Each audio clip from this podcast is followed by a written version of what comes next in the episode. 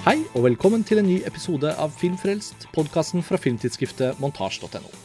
Mitt navn er Karsten Meinick, og jeg sitter her i dag med en spesialepisode av Filmfrelst uten et vanlig panel, men med gjester som jeg ringer opp og snakker litt med om Kortfilmfestivalen. Kortfilmfestivalen i Grimstad står for døren, bortsett fra at det ikke er i Grimstad i år. Det er, som så mange eh, festivaler og arrangementer, blitt avlyst den fysiske utgaven, og vi skal nå alle dra på digital kortfilmfestival. Og I denne episoden så skal vi høre litt fra programmerere, kuratorer, forhåndsjurymedlemmer som har valgt ut filmene som vises på Kortfilmfestivalen. Samtalene med de forskjellige involverte vil gi oss en smakebit på hva vi har i vente. Men aller først skal vi møte festivalens daglige leder og sjefen for det hele, Anita Svingen. Og du er med meg nå, Anita. Hei! Hei! Hei, velkommen til Filmfrelst. Takk skal du ha. Det er jo en litt spesiell årgang. Naturlig nok, alle publikummere og deltakere og filmskapere har jo selvfølgelig forståelse for at en festival som er vant til å samle folk i Grimstad, og sosiale møter på hestetorget utenfor Kulturhuset, og båtturer og reker, og alt dette som vi forbinder med Grimstad, vi som har vært der, um, blir jo ikke helt det samme i år. Så hvordan tenkte dere da Norge stengte ned, da tiltakene kom på plass og man skjønte at pandemien er på alvor? Det gikk litt tid før vi tok en avgjørelse på hva vi måtte gå for. Men det er jo klart vi, vi ble litt sånn Fordi det var så vanskelig å si noe tidsperspektiv på ting, og, og hva skulle være mulig. Så vi satt med noen alternativer. Og så Det var jo selvfølgelig å forskyve festivalen til høsten. Mm. Og så vurderte vi å avlyse, men det fant vi veldig fort ut at det kommer vi ikke til å gjøre så gikk vi da egentlig ganske fort for at vi måtte gå digitalt for det. Fordi det å utsette festivalen ville være veldig vanskelig å forutse når det skulle være en god tid for å arrangere. Mm. Både med tanke på at um, man ikke visste om det ville komme nye bølger, og, og var, det var så mye annet som da ville konkurrere om høsten. fordi alt måtte jo på en måte settes litt på, på hold. Så vi fant ut at for alle filmskapere, og for særlig kortfilmen som har så få arenaer å vise seg fram på, og vi hadde allerede mottatt så mange filmer i filmpåmeldingen, så dette her var jo kommet opp i konkurranseprogrampåmeldingen, mm. så så vi også at det ikke innebar at folk stoppa å melde på filmene sine.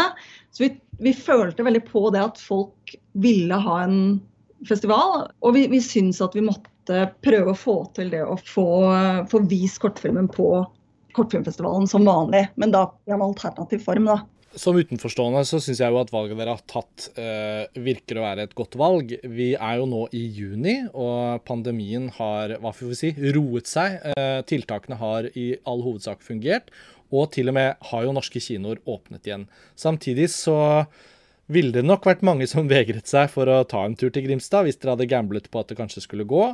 Og så tror jo jeg at det digitale festivalverktøyet, da, får vi si, som nå er blitt prøvd ut både av uh, eh, CPH DOX i Danmark, uh, Amandusfestivalen Noen av disse festivalene som kom veldig tidlig i pandemien, uh, kastet seg jo rundt og forsøkte seg på dette. Og Jeg regner med at det har vært en viss inspirasjon for dere også, men det at Kortfilmfestivalen lå i juni, det ga dere jo akkurat de månedene på en måte i hermetegn har dere kanskje vært litt heldige også, at dere har kunnet forberede dere i tide?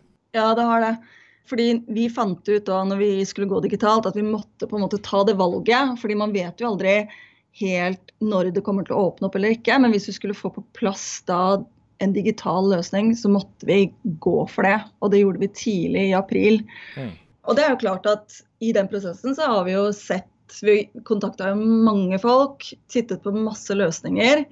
Og det vi på en måte gikk for, var jo Det viktigste var at det skulle være sikkert for filmskaperne. At ikke det skulle være mulig å laste ned filmene sine. Så, så vi sjekka ut liksom hva slags plattformer som da ville funke. Så vi gikk jo da for Vimeo sin OTT, bare sånn for å gå i detalj. Mm. Og så at det skulle være en, en veldig sånn sømløs brukeropplevelse. Hvordan kunne klare å få til litt festivalfølelse på nett. Hvordan hoppe fram og tilbake mellom ting. Hvordan bruker man ikke bare det å se filmer på nett, for det pleier man jo å gjøre, men hvordan klarer man liksom å, å få til noe mer uh, fellesskap i løpet av fem dager? Det var sånne ting som vi satt og har prøvd å jobbe veldig mye med, da, og som har vært veldig sånn Hatt så mye tid med å snakke. Vi har drodla. Vi har liksom Hvordan gjør vi dette? Hvordan vil vi tenke? Hvordan skulle vi Altså, og sparra så mye med hverandre. Så, og det, vi ser også det på de, de, internasjonale festivalene som har arrangert nå, og også Amandus, at alle løser det på litt måter. Og mm. alle har jo vært innom de samme vurderingene. Så, så for oss, vi tenkte at vi må la filmene være tilgjengelige i hele perioden. Selv om vi har en dagsplan som på en måte gir eh, litt for det nostalgiske som vi pleier å ha på alle dager i tre saler, så går disse programmene. Ja. Men det er veiledende tider, og det var også en måte for å på en måte få vist fram hva som er på programmet. da. Jeg tenker jo at når dere da har en digital festival, var dere fristet til å åpne opp for mer film? Senere i episoden så snakker jeg med forhåndsjurymedlem Jannike Systad Jacobsen fra forhåndsjuryen for norsk kortfilm. Og da diskuterer vi jo den problematikken. Jeg har sittet i en sånn forhåndsjury selv, og man ender jo opp med å mm. gjøre noen innmari harde prioriteringer, nettopp fordi det ikke er plass til så mange kortfilmer. Ja. Og så kan jeg jo tenke at Hvis jeg hadde vært filmskaper i år som ble refusert, og så blir den digital, og så tenker jeg ja, men er det ikke en plass til mer film nå?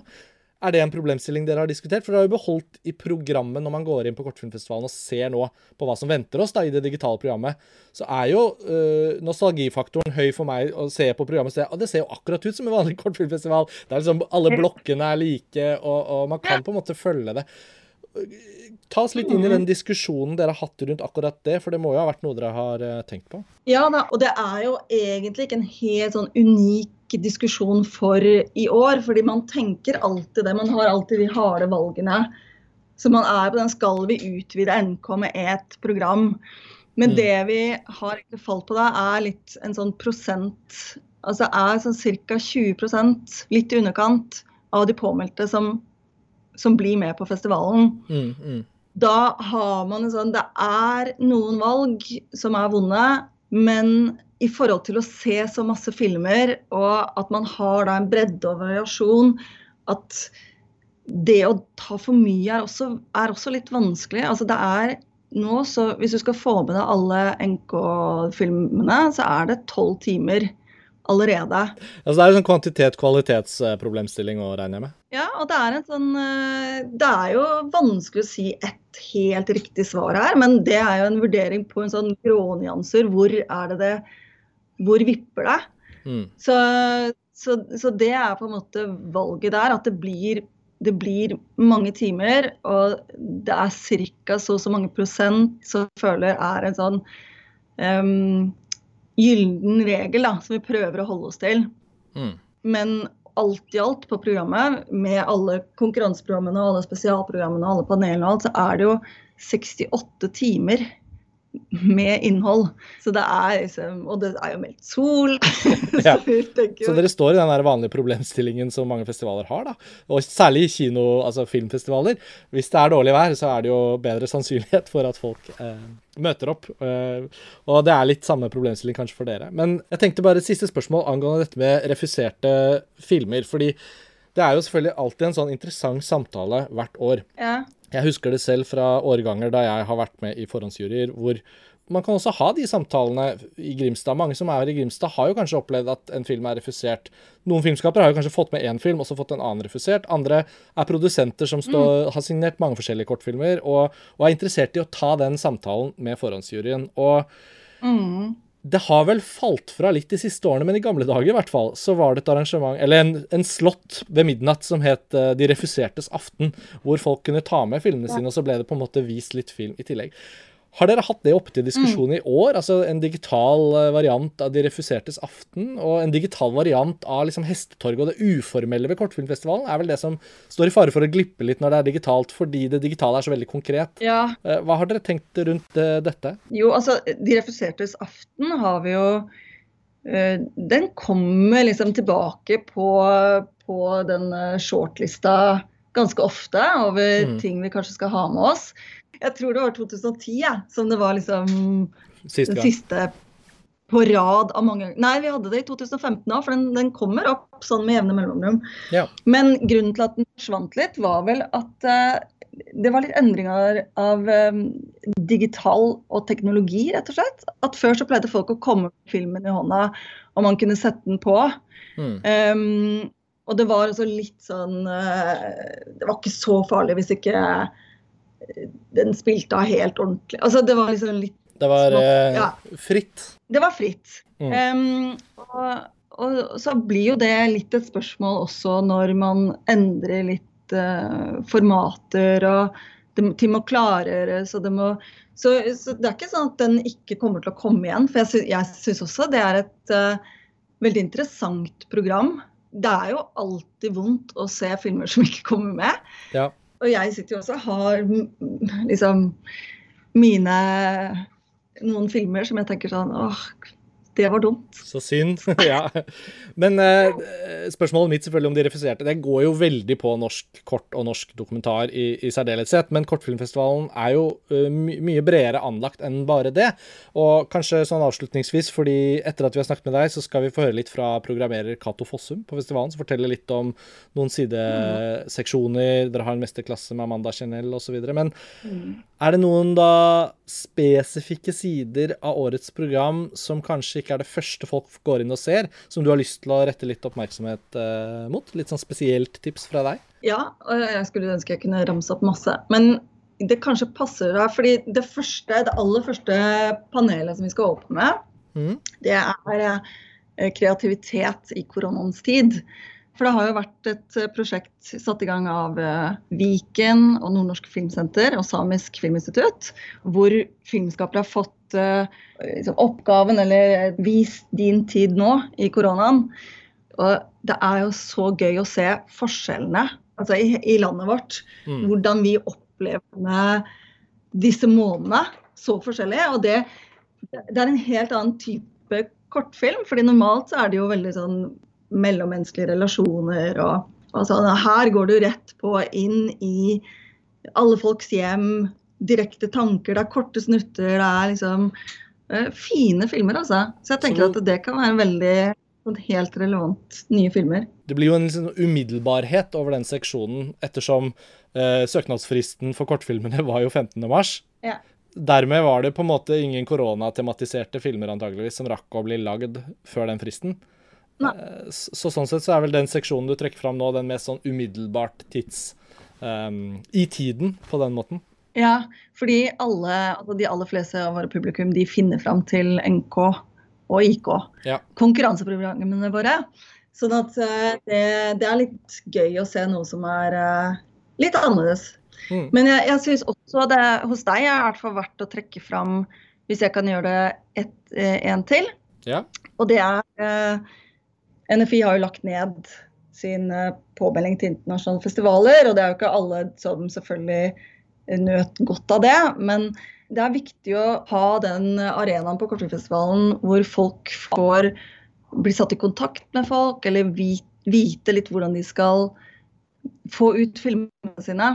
Mm. Vi har både en, en masterclass som heter uh, A Way Out med Kathleen McGuinness. Og hun har vært programmerer på Hot Dogs og Toronto og, uh, og er nå agent som alltid er med, har filmer med Oscar-racet og sånn.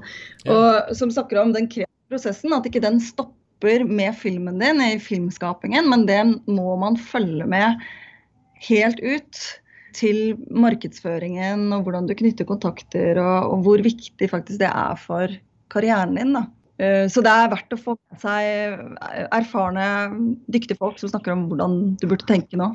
Ja, det høres, høres, spennende ut. Jeg har jo vært inne og tyvtittet og sett på det meste av det som står i, programmet, og kan jo bare varsle lytterne, for de som ikke har vært inne og sjekket, at det fins ganske mye forskjellig. Og vi skal nå høre fra flere av de som har vært involvert i programmeringen. Anita, vi må bare ønske dere veldig veldig lykke til med gjennomføringen av denne nyskapingen, da, den digitale kortfilmfestivalen. Og så tror jeg ikke det er noen kritikk hvis man også sier at man gleder seg til å komme tilbake til Grimstad neste år og um, oppleve kortfilmfestivalen slik den pleier å være. Uh, men kanskje kommer det noe positivt ut av alt dette når alt kommer til alt. Ja, viktig å ta med seg det positive òg. Ja, det må man. Men takk skal du ha. Takk for tiden din. Og så får du gå tilbake til de siste forberedelsene. Eh, festivalen går altså av stabelen i morgen, onsdag 10.6, og varer frem til 14.6. Så skal vi sette oss ned og se film. Ha det bra. Takk skal du ha. Ha det. Så skal vi høre litt fra Kortfilmfestivalens programmerer. Cato Fossum. Hei, Cato. Hei, hei. Du har jo, som lytterne har fått med seg, vært med på Filmfrelst ved et par andre anledninger denne våren, men nå skal vi jo ikke snakke om verken saktegående, lange filmer eller gamle Cannes-klassikere, men vi skal rett og slett få høre litt om hva dere har å by på i Kortfilmfestivalens program, som nå skal vises fra 10. til 14. juni digitalt. Og du har jo da en rolle som programmerer som gjør at du har hatt fingrene i mange forskjellige retter på menyen. Ehm, kan du si litt om eh, hvordan det arbeidet har eh, utspilt seg for deg? Ja, det kan jeg godt. Eh, det har jo vært annerledes for alle, fordi det ble klart ganske tidlig etter at jeg begynte eh, min del av arbeidet, at eh, vi måtte legge om til digital festival. Jeg tror det ble ganske klart for oss tidlig. Og det har gjort at både valg av programmer og ikke minst hvordan vi presenterer dem for publikum, har blitt helt annerledes. da. Og selv om vi Uh, ja, Som vanlig har brukt mye tid til å liksom, fordype oss i det beste av uh, norsk og internasjonal kortfilm. Så har vi også måttet tenke veldig mye på mer sånn tekniske og praktiske ting som hvordan sikrer man at filmen uh, når ut til flest mulig, og hvordan ivaretar man sikker visning på digitale plattformer uten piratkopiering og litt mer sånne mundane betraktninger. der. Er det en oppfatning at alt det tilleggsarbeidet med teknikk og en ny plattform har eh, Det har vel blitt en del merarbeid ved siden av det vanlige programmeringsarbeidet? Det har blitt en del merarbeid, men, eh, men kjernen i det Kortfilmfestivalen gjør og skal være, er jo på en måte det samme. Det er jo å være en visningsplattform for, for det beste av norsk og internasjonal kortfilm. Og så er det jo sånn at eh, at vi som festival selvsagt mener at film er best på kino. Men når det ikke gikk, og når det også var umulig for oss å å dra til Grimstad og hente inn mange besøkende til den byen i en så spesiell situasjon, så var det veldig viktig for oss å, å kunne være en plattform for, for, å nå ut med den filmen eh, til et større publikum. da. Fordi det er ikke så mange visningsplattformer for, for verken kortfilm eller kortdokumentar. Så det har jo ligget i bunnen, så klart. For det interessante paradokset nå er jo at den norske kortfilmfestivalen har jo aldri hatt en festivalutgave hvor potensialet for å nå ut til et stort publikum er så akutt til stede. Eh, ikke bare er den digital, altså programmet kan nytes for alle som registrerer seg og, og på en måte betaler inngangsbillett da, rundt omkring i Norge. Men selve akkrediteringen har jo også fått en litt sånn lav pris. Eh, har du vært involvert i prosessene med å bestemme hva en akkreditering egentlig skal koste på denne festivalen? Jeg har ikke bestemt det, men dette er jo ting vi har diskutert internt. Og det er klart at eh, i det ligger det at vi har sett på hva andre festivaler har gjort. Der mange europeiske festivaler har enten lagt seg på gratisutgave eller veldig lav pris på akkreditering.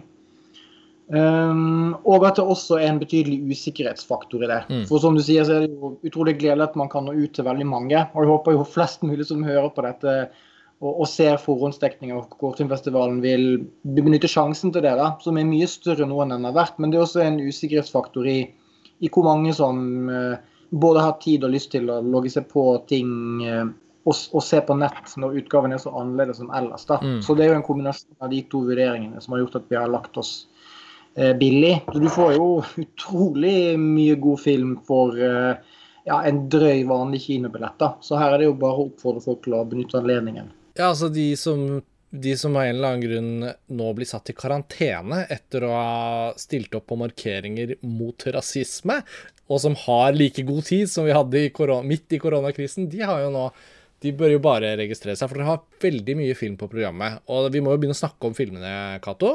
Det er jo ikke ja. en så lang økt vi har eh, foran oss her. Du skal gi oss en smakebit på litt av det som fins her. Og vi skal senere møte medlemmer fra forhåndsjuryen for norsk kortfilm da, og dokumentar.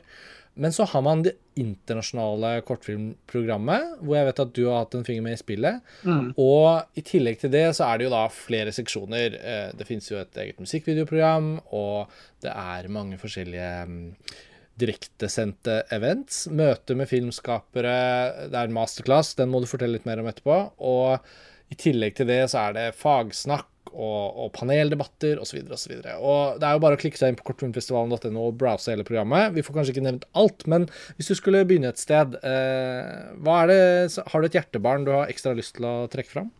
Ja, jeg kan jo være så egoistisk og nevne to programmer som jeg har jobbet mye med sjøl. Det ene er om arkitektur. Um, og det, og det avstedkom fra, fra debatten som har vært rundt Y-blokka i vår. Der det finnes veldig gode norske filmer om det som ikke er nye eh, Paul Tunge sin film 'Bauta' og Birgitte Sigmundstad sin dokumentar eh, 'Hammersborg Protecting the Bygone Future' er sånn Mm. kjente kortfilmer for de som har fulgt med en stund, og som også er opptatt av arkitektur. da. Så kjernen i det programmet er de filmene, men eh, da har vi bygget det ut med andre både norske og internasjonale kortfilmer som viser hvor utsatt sånn brutalistisk eller modernistisk arkitektur er for skiftende interesser. og Uh, også hvor vakre og fascinerende sånne bygninger kan være. At de inspirerer filmskapere til å gjøre sånn formmessige utforskninger. Da. Så det er et veldig gøy program. Det er åtte filmer til sammen.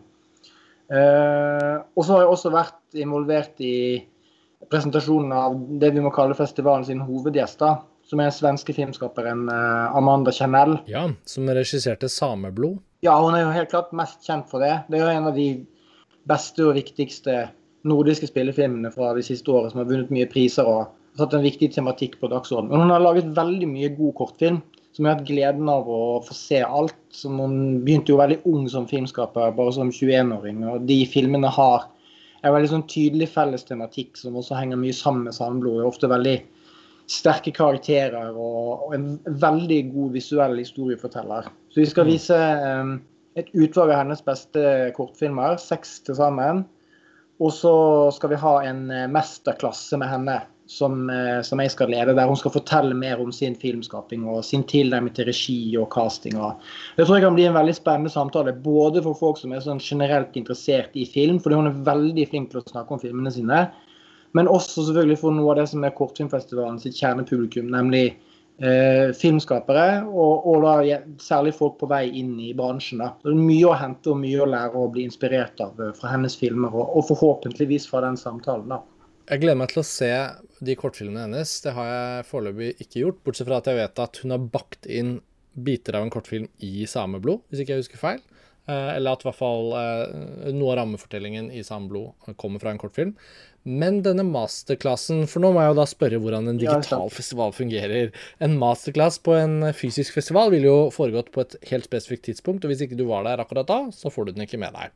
Hvordan fungerer det på Kortfilmfestivalen når dere har masterclass med Amanda Kjernel? Det fungerer sånn at uh, man kan se det live, og da får man også anledning til å stille spørsmål underveis eh, via chat og sånn. da. Vi, vi intervjuer henne gjennom en sånn eh, ja, digital programvare, der eh, jeg sitter i studio og hun sitter i København.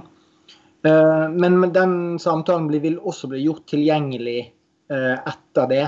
Og det gjelder jo både for en god del av livesamtalene og også mange av filmene at eh, de kan ses eh, på et bestemt tidspunkt. Og vi har lagt det opp sånn at vi vil at folk skal se det i tide til å være med på, på regissørsamtaler med norske filmskapere, som vi har veldig mange av. Uh, eh, men at de også kan ses gjennom hele festivalperioden. Så det er en veldig sånn uh, ja, publikumsvennlig tilnærming, da, der man kan tilpasse det litt til sin egen ditt dagsprogram. og Du kan se hele programmet om natta hvis du ikke har tid på dagen. OK, jeg skjønner. Ja, men Det høres jo brukervennlig ut. Um, de to seksjonene høres jo både særegne ut og veldig sånn spesifikke og lette å forholde seg til. Og så har dere også programmer og programseksjoner som jeg blir nysgjerrig på, selvfølgelig, men som også fremstår litt sånn gåtefulle. Altså, det er noe som heter New Wave Pornography, med 18-årsgrense pluss-markering inne på programmet, og et panelsamtale. Det er eh, koronaspesifikt program, kreativitet i koronaens tid. Eh, flere filmsentre rundt omkring i landet har jo hatt forskjellige initiativer for å å, å, å fange inn hva filmskapere måtte tenke og eventuelt lage fra koronatiden. Det er også da en tilknyttet panelsamtale. Hvor, hvor viktig har det vært for dere å prøve å aktualisere Kortfilmfestivalen inn mot det som skjer i verden i dag? For nå beveger jo verden seg så fort at det er vanskelig å vite om man egentlig er eh, tidsriktig eller ikke. For hvem vet hva som skjer neste uke? Det er jo en utfordring for all filmprogrammering. At det er veldig vanskelig å være sånn eh, oppdatert til siste sekund. Eh, det New Wave Pornography-panelet og, og, filmprogrammet er veldig spennende fordi det fanger opp en, eh, en trend blant mange filmskapere til å liksom lage eh, ja, porno egentlig som, som er mer inkluderende og, og kanskje liksom mer politisk sensitiv enn det mange kanskje forbinder med det uttrykket. Så det er et filmprogram jeg også har lyst til å, å se sjøl og, og, høre på den panelsamtalen med internasjonale filmskapere som skal være med. Mm. Uh, men vi, vi, prøver på en måte å, å, å finne ting som uh, ja, som, som, springer ut av vår egen glede til å formidle, mer enn å prøve å liksom, desperat treffe en, en tidsånd. da. Men et annet program som jeg skal nevne, er at vi har flere kortfilmer av store regissører, altså sånn kjente navn som Jonathan Glazer eller Ja, det virker jo også veldig spennende. og det er jo, er jo, selvfølgelig Hva skal man si? Man blir jo nysgjerrig når det er kjente navn som har laget kortfilm. Det er jo noe man forbinder med eh, filmskapere i startgropen. Men det skjer jo titt og ofte at noen regissører som er veldig berømte, eh, finner plass eller tid eller inspirasjon til å lage en kortfilm. Eh, nå vises ikke den her, tror jeg, men eh, sånn som han Luca Guadagnino, han lagde jo en kortfilm plutselig som var i Cannes, var det i fjor, som het The Staggering Girl som egentlig viste seg å være et sånn kommersielt samarbeid med eller annen, et eller annet motehus. Jeg har ennå ikke sett den selv, men eh, av og til så popper det opp sånne ting. Plutselig har David Lynch laget en timinutters kortfilm som er på Netflix. Så, altså, kan du bare kort si hvor, hvor, hvordan sporer dere opp disse filmene fra disse berømte regissørene? Er det sånn at dere samler det opp i løpet av året og tenker det kan bli en egen seksjon, eller var det påfallende i år at dere så at mange av disse navnene hadde laget uh, nye kortfilmer? Vi kunne nok sikkert ha hatt en fast seksjon, og kanskje vi skal ha det. Uh, for jeg syns det er veldig gøy med, med filmskapere som, som, pendler mellom det korte og det lange.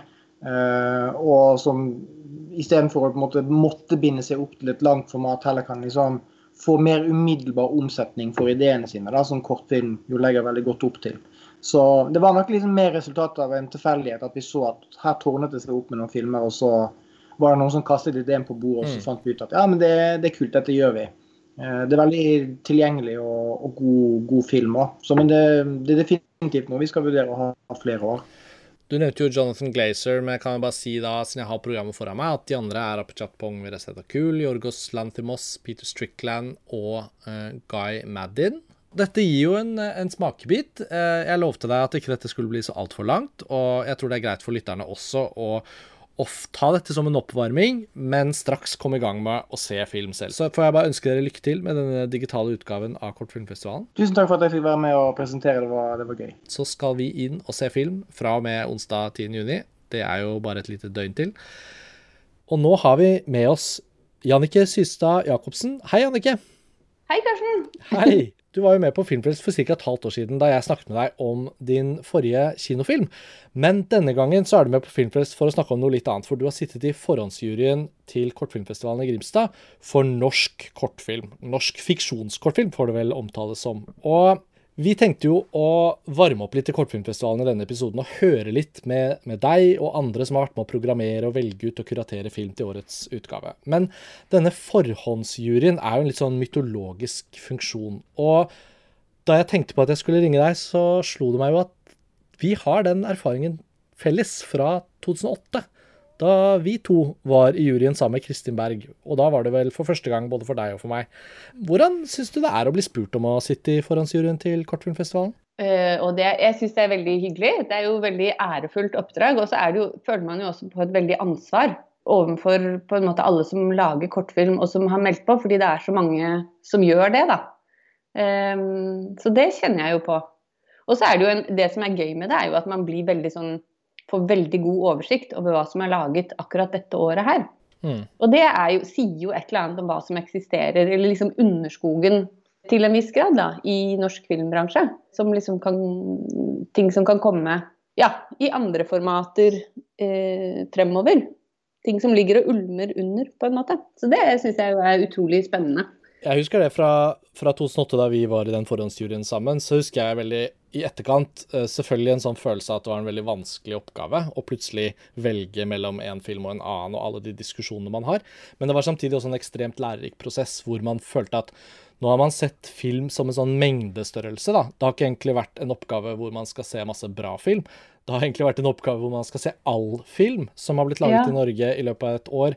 Og kortfilm inntar jo så mange forskjellige Altså ikke formater, men kortfilm lages jo av de aller yngste filmskaperne og noen av de aller eldste. Mhm. Det lages av folk som bare lager, lager kortfilm, det lages av folk som bare vil lage spillefilm, og som har laget en kortfilm av den grunn, osv. Så, videre, og så, videre. så man får en sånn veldig merkelig og rar temperatursjekk på hva som foregår i norsk film. Og eh, det skal sies at forhåndsjuryen består av tre personer, og nå representerer du litt ditt utvalg, men du satt sammen med to andre regissører, Truls Grane Meby og Ali Parandian. Noen år så er det jo ikke bare regissører som sitter, men det er jo klart at det å være filmskaper og det å ha erfaring med å ha film på Kortfilmfestivalen, er jo en fin ting å representere i den forhåndsjuryen, for da har man jo vært på begge sider av bordet. Og du, jeg har forstått sånn at du var på Kortfilmfestivalen selv første gang i 1999, stemmer det? Ja, da hadde jeg med to filmer som jeg hadde laget eh, på filmskolen i London. Så det var jo sånn veldig, veldig stor stas eh, å komme hjem med filmruller og få lov å vise de der, da. Hva betød Kortfilmfestivalen for deg den gang? Nei, det gjorde det jo litt enklere på en eller annen måte å gå videre i filmbransjen. Og så var det jo sånn at den ene filmen som het 'Nothing to Hide', som var en dokumentar om en naturist, eh, den eh, fikk jeg noe støtte til å lage en filmkopi av fra Eva Færvåg. Sånn at neste gang eh, jeg kom med et nytt prosjekt, så var, satt hun fortsatt som kortfilmkonsulent. Mm. Og så har hun på en måte vært involvert i mange prosjekter. sånn at det, hun på en måte var en sånn døråpner for meg, da, og den filmen som var den første filmen som jeg fikk ja, støtte til fra NFI.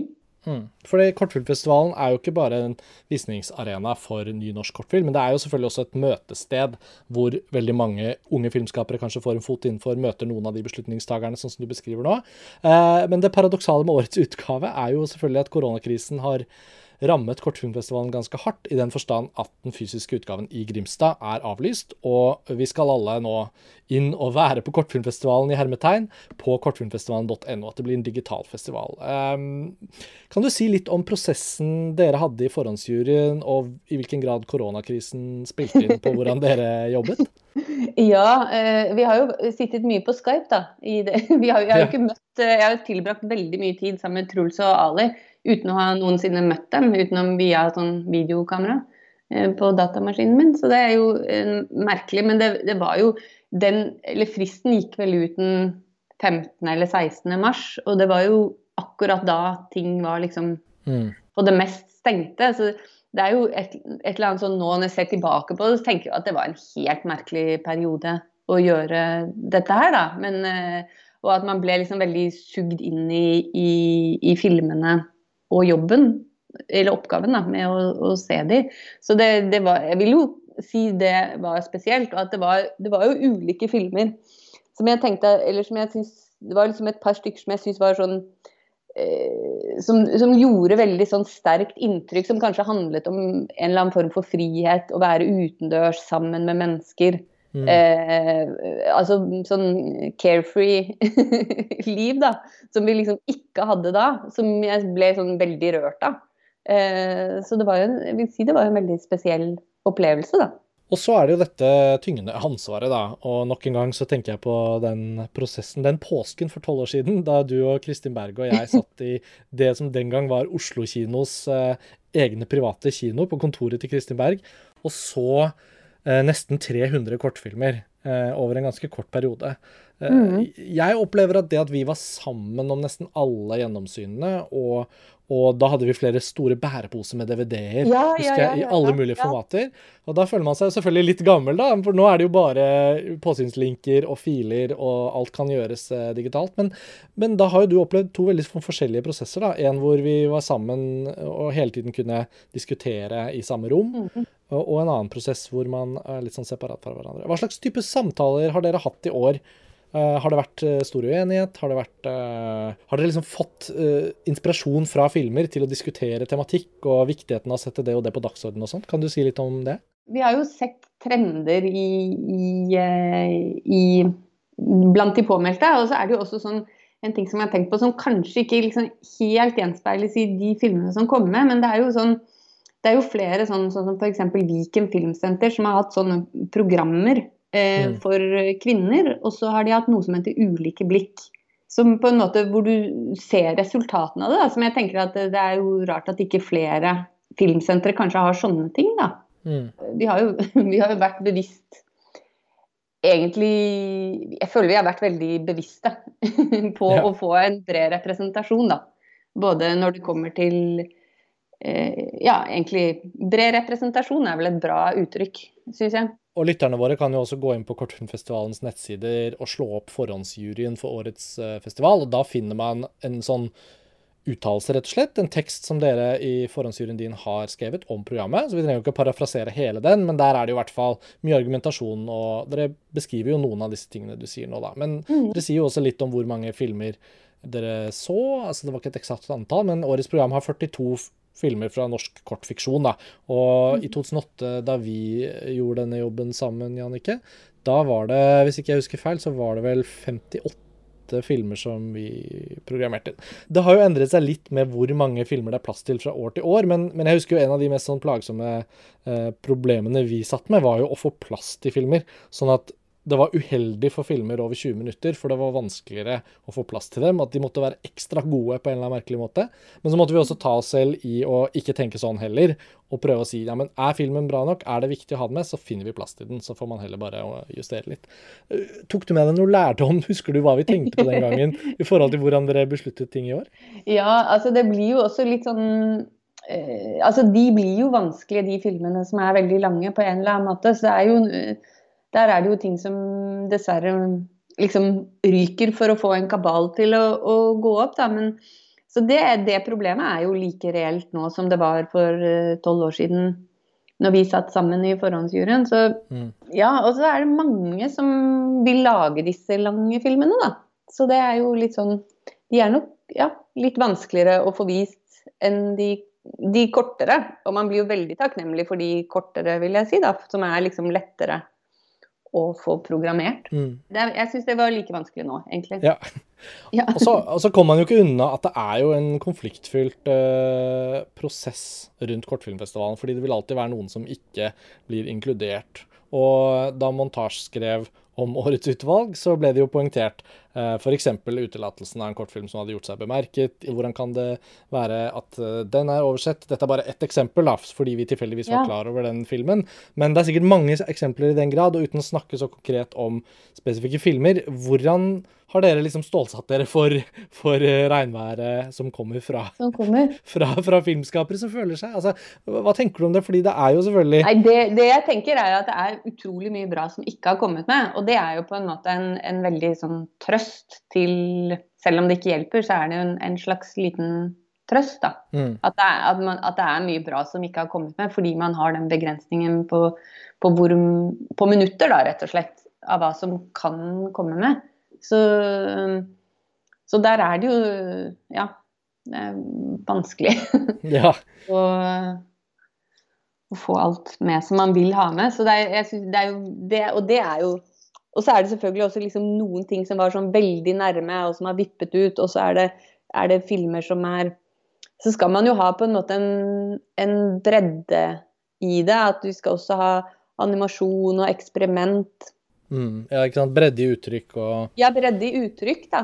Og, og på en måte geografisk og unge og eldre og, og liksom hele spekteret. Sånn at det på en måte Det er jo noen sånne ting som kommer inn nå, da. Man kommer ikke unna at det, det å velge noen filmer fremfor noen andre vil jo alltid selvfølgelig skape uenighet. Og så kan det hende at de samtalene er konstruktive og interessante i seg selv. Og da forsvinner jo et element her i og med at årets utgave er virtuell. da. Jeg husker veldig Mm. godt fra 2008 den følelsen, og da var jeg ganske ung. Jeg fikk, ble invitert til å sitte i den forhåndsjuryen, men jeg studerte fortsatt film på filmskolen. Jeg gikk på klippelinja der den gang. Men jeg husker jo under Kortfilmfestivalen så kom jo også filmskapere som hadde blitt refusert, og kom bort til meg. Eh, ikke på Ja, noe ja. uhyggelig måte, men som var virkelig sånn Du, jeg hadde en film, eh, det er den og den filmen, du husker det sikkert. Vi ble refusert, jeg bare har veldig lyst til å høre hva dere var dere tenkte. Jeg har oppriktig talt lyst til å lære. Så hadde jeg Det var ikke alle samtalene som var like hyggelige, men eh, det var ikke noe sånn, det var ikke noe sånn at det ble håndgemeng. Men jeg glemmer ikke de møtene, så det gjorde veldig inntrykk på meg. For jeg selvfølgelig også var veldig klar over at OK, når man skal tørre å ha en sterk nok mening og si ja til å sitte i en sånn forhåndsjury, da må man altså stå i den debatten hvis den kommer. Eh, Ja. Nå forsvinner jo det elementet med å komme på festivalen, og, og, men samtidig så er jo den dialogen ganske spennende og konstruktiv. Hva, hva tenker du om å liksom ja. være deltakende i en sånn samtale rundt den bredden i kortfilmen, og både, det, både de refuserte og de inkluderte på en måte i årets utgave? Ja, nei, det er jo synd at man ikke kan ha den samtalen. Jeg tenker jo, jeg er jo enig med deg at det kan på en måte være givende og, og for begge parter, på en måte. Jeg gjorde jo det også mye når jeg satt som konsulent i, på Midtnorsk Filmsenter. Der var de veldig sånn på å be om hvorfor de hadde fått avslag. så, så, så, det er jo på en måte sånn å Ja, at man kan lære noe av det. At det er selvfølgelig synd at det eh, blir borte, da. Og det er jo lettere og, og, det er jo et eller annet også sånn selvfølgelig Det er jo sånn når vi ikke møtes eh, Det er jo sånn man kan føle med ulike sånne støtteinstanser hvor du ikke ser noe menneske. Så lurer man jo også på hva har de egentlig tenkt, samme om de har sagt ja eller nei. Så det er jo et eller annet med den dialogen rundt det å lage film hva som var bra eller dårlig, eller, som er, er, veldig interessant. da, som, Hvor du på en måte ja eller nei gir jo ikke så veldig mye, egentlig. Nei, altså En heldig ting de innførte på Kortfilmfestivalen i gamle dager eller en gang, og som sikkert har vært der frem til da i år, det er jo dette, som, dette nattprogrammet som heter De refusertes aften. Og alle kunne ta med seg filmen sin hvis den var refusert, og så kunne den bli vist ja. til en sånn midnattsvisning. Og det var ofte veldig gøy å gå på de visningene. og Selvfølgelig veldig god stemning. Og så var det jo da ymse kvalitet. Men innimellom så var det jo da en film man hadde hørt om. ikke sant, Noen hadde sagt ja, den ble refusert, den er egentlig veldig bra, og bla, bla, bla. Og det skuffet meg kanskje litt at Kortfilmfestivalen i år ikke har um, funnet plass for en litt sånn de refusertes hjørne, da. Men det får vi se. Festivalen ja. skal jo straks nå i gang, så det er jo ikke sånn at uh, det har begynt ennå. Og jeg er sikker på at det finnes mange filmskapere, også blant våre lyttere, sikkert folk som både har kortfilm med, og som kanskje har blitt refusert, eller som tidligere år har hatt film med, og er veldig interessert i å følge med. så så det blir jo veldig spennende å følge festivalen. Hvordan, hvordan skal du delta på Kortfilmfestivalen i år, eh, Jannicke? Nei, det blir vel eh, via eh, laptopen, da. det kan jo hende det blir noen kommentarfelt og virtuelle diskusjoner, da. Så det, du får jo følge litt med. Det, det, jeg tror ja. veldig mange ville satt pris på at uh, noen av dere i hvert fall kimer inn hvis dere ser at her har vi jo erfaringer å dele fra arbeidet vårt. Ja, jeg syns jo det. Jeg, jeg, sa jo det til deg. Uh, altså man har jo liksom Det er jo den rollen der. Men man har jo lyst til å uh, snakke um, om ting. Ja. Ja, for jeg tror i hvert fall den dialogen har veldig mye verdi i seg selv. Ja, ja, eh, når det ja. først eh, Det er jo bare Kortfilmfestivalen som har en så I et bitte lite filmland, så er det tross mm. alt fortsatt mulig å favne bredt eh, når det kommer til kortfilm, for det lages jo da flere hundre kortfilmer. Det er ikke alle som engang sendes inn til Grimstad, sikkert, men mye skolefilm og noe veldig profesjonell film. Og noe overraskende bra som bare kommer inn fra venstre, som man ja, aldri har hørt ja. om. ikke sant? Så, så, kunsten er jo å prøve å tvinne disse tingene sammen og la kortfilmfestivalen få være det uh, navet, skal vi si, som mm. på en eller annen måte etablerer noen nye relasjoner og sånn. da. Og, og, den store utfordringen, syns jeg, med en digital festival, uh, det er jo hva gjøres for å ta vare på det? Det er så mange ja. utfordringer i koronakrisen som har blitt løst digitalt, og som faktisk har fungert. Og jeg håper og tror at Kortfilmfestivalen kan finne ut av det i løpet av de dagene som kommer. Festivalen finner jo sted nå mellom 10. og 14. juni. Og på montasje så skal i hvert fall vi gjøre det vi kan gjennom da Nå er dette en oppvarmingsepisode, men som du sikkert vil være nysgjerrig på, så kommer det jo da podkastepisoder hvor, hvor jeg og Lars Ole Kristiansen og eventuelt også andre fra montasje vil være ved mikrofonen og diskutere det vi finner i programmet, da. Så da blir det sikkert både litt ris og ros, men, men jeg, håper, jeg håper hvis det oppstår noen uh, diskusjoner, så håper jeg i hvert fall at du og andre fra forhåndsjuryene. Det er jo ikke bare deres forhåndsjury, det er jo en egen for dokumentar og internasjonal kortfilm osv. Musikkvideo. Eh, vil lene dere inn da, og delta. Det er i hvert fall en oppfordring fra meg. Jeg er enig i det at det er veldig trist at man mister den, eh, den, det møtestedet som, det er, som Grimstad har vært og, og, forhåpentligvis kommer til å være igjen. Så, så, det er jo på en måte Det er jo en litt sånn dvalesituasjon i år. Så er det jo mm. Håper jeg jo, eller jeg håper vel alle, at det blir litt annerledes neste år, da, med Grimstad. Ja. Ja. Så får man jo håpe kanskje eh, sånn som Vega kunne jo ta Eller disse cinematekene og sånn kunne jo ha noen sånne best up-kvelder. Ja, det er jo faktisk fortsatt en mulighet, ja. At uh, på tross av at selve festivalen er virtuell, så uh, er jo kinoene faktisk åpnet igjen. Og det, det, gir jo cinematekene, Vega, kinoene rundt omkring i landet muligheten for å lage sånne høydepunktsvisninger. Så det kan man jo faktisk håpe på at kan bli en del av sommerprogrammeringen, da, ettersom det er veldig lite ny film på kino uansett. ja, ja. For det, og da kunne jo også folk kanskje kommet og fortalt litt, og man kunne fått en sånn litt sånn samtale, da. Ja, det er et bra forslag. Ja. Nå, nå, publiserer vi det her i episoden, så får vi se om noen ja. av eh, beslutningstakerne følger med. Jannicke, tusen takk for at du har delt litt om eh, prosessen. Eh, det ble jo litt kort, men vi, vi, tenkte det var fint å ha en liten smakebit og en liten innsikt i noen av de prosessene i denne episoden. Og Så får vi se da, Jannicke, om folk er enige, eller om de finner ting i programmet som de syns er hårreisende svakt, eller om de finner ting som de tenker at er en av de beste kortfilmene de har sett på lenge. Du har sikkert noen favoritter, og jeg regner med at du, du anbefaler folk å lete etter det. så kan vi jeg kan jo prøve deg etter festivalen og se hvilken jeg tror det er din favoritt. Ja. Jeg har to favoritter. To favoritter. OK, jeg skal lete. Men uh, takk for praten, og så ja, snakkes vi igjen snart. Ja, ja ha det bra. Ha det.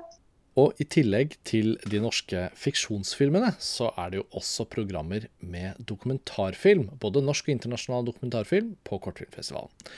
Og fra forhåndsjuryen for dokumentarfilm så har vi med oss Chloé Faulkner til å forklare litt av hvordan de har jobbet. Hei, Chloé. Hei, Karsten. Du er jo en, eh, en, en, skikkelig kjenning for lytterne våre nå denne våren. Eh, men eh, i denne episoden så skal du ikke være her for å snakke masse om film, men heller om et veldig spesifikt arbeid, og egentlig ansvar, man har når man sitter i en sånn forhåndsjury til Kortfilmfestivalen. For deres arbeid handler jo om å ta for dere all film som er påmeldt til Kortfilmfestivalen, og så grave dere gjennom mengden for å finne gullet og programmere det inn. Og denne oppgaven er jo eh, delt på tre. I din forhåndsjury så har du sittet sammen med Susanne Østegård og Maximilien van Ertryck, veldig flott navn, en fransk-tysk-svensk filmskaper. Uh, Susanne Østegård er utdannet dokumentarfilmskaper og har jobbet for Oslo Pix uh, inntil nylig. Og så er det jo deg fra Filmklubbforbundet. Så dere er jo en litt sånn uh, variert gruppe i forhåndsjuryen. I forhåndsjuryen for norsk fiksjonsfilm så var det jo tre regissører, mens her har dere litt annen forskjellig bakgrunn. Og dere har da altså bare vurdert dokumentarfilmer. Kan du si litt om, om hvordan det er å bli spurt og, om å sitte i en sånn forhåndsjury og, og liksom gå til arbeidet? Jo, jeg kan si at det er en stor ære uh, å kunne få lov til å være med og uh, velge ut filmer for Kortfilmfestivalen. Og det var spesielt spennende å kunne jobbe sammen med både Susanne og Maximilia. Uh, jeg hadde um, kanskje en sånn forventning at siden vi har litt sånn forskjellig bakgrunn, vi tre. altså Susanne både som produsent og filmskaper, og Maximilian som filmskaper, og jeg kanskje mer sånn kommer inn fra filmformidlingsside, at vi skulle ha litt Kanskje Ja, eller jeg var litt spent på hvordan diskusjonen skulle gå, men eh, det viste seg at uh, vi egentlig ofte var ganske stort sett enige. Sånn at uh, jeg vet ikke hva det sier om oss uh, eller om, om, filmene. Men det er jo Det var jo ganske mye på en måte sånn det er, det er veldig mye film da, som skal ses gjennom. Uh, I det internasjonale altså den, på, den påmeldingslista så var det 150 filmer. Og så endte vi opp med bare 15, altså 10 Og uh, på, i den norske lista så var det rundt 70. Og så endte vi opp med ja, skal vi se, uh, en, ja, 11 stykker, da. Sånn at um, det er jo på en måte Det er litt ganske harde kar, da, som ja. man sier. Uh, og så Jeg opplevde at uh, altså, veldig mange av de påmeldingene um, Jeg tror at det er sånn et system for å melde på filmer som har dykket opp de siste årene. Sånn at uh, filmskapere i hele verden på en måte, de kan trykke på en knapp, og så blir filmen deres påmeldt til veldig mange forskjellige festivaler. Sånn at eh, det, det, jeg hørte fra Kortfilmfestivalen, det var at det var faktisk ganske mange flere internasjonale kortfilmer som ble påmeldt i år enn tidligere i år pga. den nye tekniske løsningen. Så det var på en måte det å det Veldig mye sånn kvantitet, da. Ja. og, så i, i, og blant disse filmene så var det også sånn knipefilmer som man kanskje kunne se at uh, Kortfilmfestivalen selv hadde på en måte påmeldt og liksom lagt inn der. Da, sånn at uh, man kunne av og til sånn, kjenne litt på liksom, uh, kuratorens hånd, da, usynlig hånd også der. Så det, det, var ofte, altså det var noen av de filmene som vi også endte opp med å, å velge, da. Ja, fordi jeg tenker jo at uh, En ting er å reise på festivaler, sånn som både du og jeg gjør, i løpet av et år, og se film og danne seg et bilde av hva man liker, og så eventuelt kunne bruke det hvis man får en oppgave om å programmere noe her, eller komme med et forslag til en kuratering der, eller, eller sånn som i Filmklubbforbundet, at dere tar inn filmer og, og foreslår filmer ut til filmklubber og sånn. Da har dere jo på en måte vært ute og lett selv. Men noe annet er å få denne bunken som har på en måte ingenting av ditt nysgjerrige blikk, din smak, din evne til å finne oppdagelser, har jo ikke vært ute i felten. Egentlig bare kommer alt på en måte i en virtuell bærepose da, inn på bordet, og så må du bare begynne et sted. Kan du, kan du si litt om det, forskjellen mellom de to tingene? Er det Syns du det var en morsom utfordring det, å gjøre det på den måten? Det er jo eh, både morsomt og så litt uh, skummelt. Eller jeg skulle si skummelt, da, fordi man har på en måte ingen veiledning, ingen ramme. Uh, sånn at Bortsett fra på en måte de filmene som man kanskje aner er litt sånn, at noen andre har liksom lagt inn der, men man vet ikke helt heller. Sånn at mm. man blir veldig sånn prisgitt de andre, de to andre i juryen òg, fordi man, man, tenker OK, altså, jeg liker den filmen veldig godt, men kanskje det det er bare meg. Altså, kanskje har jeg litt sånn Man begynner sånn å lure litt på liksom, sin egen smak og sånn. At, så det er veldig fint å kunne på en måte konferere med de andre. Ja. Fordi man har liksom ingen kontekst uh, for uh, hvordan en film blir presentert. da. Man kjenner ikke til filmskaperen, eller man kjenner ikke til Det er ingen festival som står liksom bak den og liksom har tipset. sånn Sånn at uh, Man må virkelig stole på sin, sin egen smak og sin egen sånn, dømme, dømmekraft. Mm. Og så har det jo vært som, som, som, du og jeg eh, allerede har snakket om på Filmfrels tidligere, så har det jo vært en veldig spesiell vår med koronapandemien og uh, de påfølgende konsekvensene. Så jeg spår vel at mye av dette arbeidet har vel foregått uh, i koronatiden. Og da blir jeg jo nysgjerrig på å høre litt om hvordan det preget arbeidet. Var dere i stand til å møtes i det hele tatt i fysisk forstand? Satt dere bare på Skype? Og hvordan var det å liksom se dokumentarfilm særlig, da, som er jo den filmformen som skal liksom fange inn vår verden, å se dokumentarfilm om vår verden når vår verden endres foran øynene våre, på en måte. Tenkte du noe på det underveis? Det var en uh, veldig spesiell følelse, det. Altså, vi begynte å vurdere filmene allerede i februar. Og så uh, på en måte så gikk en, sånn, en ganske stor bolk unna der. Og så skjedde korona, da. Og vi skulle møtes fysisk, i hvert fall to av oss, uh, Susanne og jeg, skulle altså, møtes i Oslo og så hatt Maximilian på Skype. Og så uh, viste det seg at um, Maximilian hadde reist uh, for, i forbindelse med et altså, filmprosjekt som han har i Sør-Amerika. Og så satt han fast der. og så skulle han Oi tilbake eh, til Berlin eh, via Frankrike, men visste ikke helt om de ville slippe han inn igjen. Altså, det var eh, en veldig stressende situasjon for ham, og vi var veldig glad for at han klarte å komme seg hjem i den veldig sånn, krevende og vanskelige tiden. Ja. Så, det, så, det, var liksom, allerede det på en måte sånn, Så var det en sånn praktiske utfordringer. Liksom bare at vi måte, i det hele tatt kunne få tid og anledning til å se film og vurdere det på en måte i sånn ja, og så var det uh, bare den opplevelsen av å se filmene endret seg radikalt. da. Og det er, jeg, jeg, jeg må innrømme at det er noen filmer som uh, jeg endret synet på underveis. Fordi det var liksom kanskje noen referanser til sykdom eller død, eller noen på en måte liksom tema som plutselig fremsto i et helt annet lys, da, som vi måtte absolutt ta hensyn til. Jeg er spent selv jeg, på, på hvilken grad det å se kortfilm under festivalen, og se etter en viss form for tematikk, eller være mer åpen for en viss type historie Sånn vil jo alltid være. At uh, det formes selvfølgelig av den verden vi har rundt oss. Men det er jo ikke alltid man befinner seg i en så stor verdensomspennende krise som dette. da. Og nå i tillegg med en ny runde med protester eh, mot politiets oppførsel i Amerika og påfølgende liksom eh, kamp mot rasisme som voksen, våkner til liv igjen. Så, liksom så, verden beveger seg så hyperraskt. Mm. Så tenker jeg liksom det, det, kan ikke være lett å ha laget en film som du kanskje låste for seks måneder siden, og så skal du prøve å få den med på festival, og så har kanskje filmen din gått ut på dato. ikke sant? Det, jeg er ikke sikkert dere har opplevd det, da, men jeg tenker jo litt på sånne ting, særlig for dokumentarfilm. Um, når det er sagt, eh, dere har jo skrevet en uttalelse, din forhåndsjury, om, eh, om, programmet og om filmene dere da har valgt. Dere har valgt bort veldig mange filmer, men dere har også valgt et knippe filmer. og hvis du kunne liksom prøve å destillere eller oppsummere noe av det dere har funnet, hva, hva mener du at de filmene som vises i Kortfilmfestivalen fra deres jury, da, at de, hva forteller de oss? Ja, det er jo litt vanskelig å oppsummere på en måte så veldig mange forskjellige filmer. Og, det er så fristende på en måte å se etter en slags rød tråd.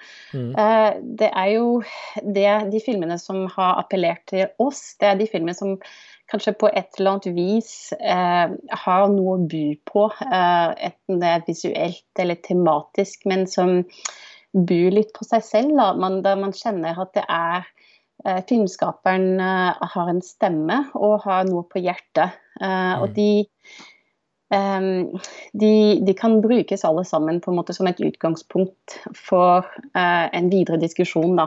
Nå, nå, er det klart, som du sier, så verden beveger seg så, i så stor fart at ja. det, det, er liksom kanskje en film som den starta en diskusjon for tre måneder siden, så, er, er, så, har vi gått videre. Men jeg, jeg vil også håpe at det er jo altså jeg håper ikke bare, men jeg vet at veldig mange av de filmene, og særlig noen som jeg har litt på en måte veldig nærmere mitt hjerte, appellerer til noe liksom universelt i oss, da, uh, som, som, virkelig kan liksom treffe oss. da. Mm. Ja, jeg gleder meg veldig til å komme i gang med å se filmene. Og det er jo ikke altfor mange å komme gjennom på dokumentarprogrammene, da. Um, og det er alltid spennende når det er forhåndsjuryer som jobber, og forhåndsjuryer som byttes ut fra år til år. For det betyr jo at Grimstad, eller Kortfilmfestivalens identitet, den føles som den har noe spesifikt. Og det kan jo kanskje komme av norsk kortfilmkultur og, og norske filmskapere som bringer ting. Eh, men det er også forfriskende at festivalen inviterer nye mennesker til å sitte i juryene år etter år. Da. Så det utvalget dere har gjort, vil jo være veldig spesifikt for i år, kombinert naturligvis med hvilke filmer dere hadde å velge fra. Da. Og jeg tenkte egentlig å spørre om det i innledningen, men nå kan jeg jo gjøre det som et avslutningsspørsmål. Hvordan har ditt forhold til Kortfilmfestivalen eh, vært egentlig, frem til nå? Før nå? Eh, jo, eh, jeg, jeg, har fulgt med Kortfilmfestivalen i ganske mange år. Um, egentlig så har jeg sittet og sett på de internasjonale kortfilmene uh, i min kapasitet som uh, veileder for ungdomsjuryen, uh, mm. som er Kortfilmfestivalen har lokalt da, med, i samarbeid med den uh, lokale videregående skolen. Mm. Sånn at uh, Min opplevelse av festivalen er å sitte på hestetaket utenfor uh, Kulturhuset og høre alle masse sånn, veldig spennende diskusjoner om alle nye kortfilmene, som norske kortfilmer som nye regissører. Og så sitter jeg der og ja, nei, men det var jo sikkert veldig fint. så, ja, jeg har jo ikke sett dem. så det, det, har vært litt kanskje litt frustrerende av og til. Da, altså, det internasjonale programmet er jo, altså det er jo fem bolker. Det er som regel ti timer med film, og så det, blir det veldig lite tid igjen til andre, andre programmer.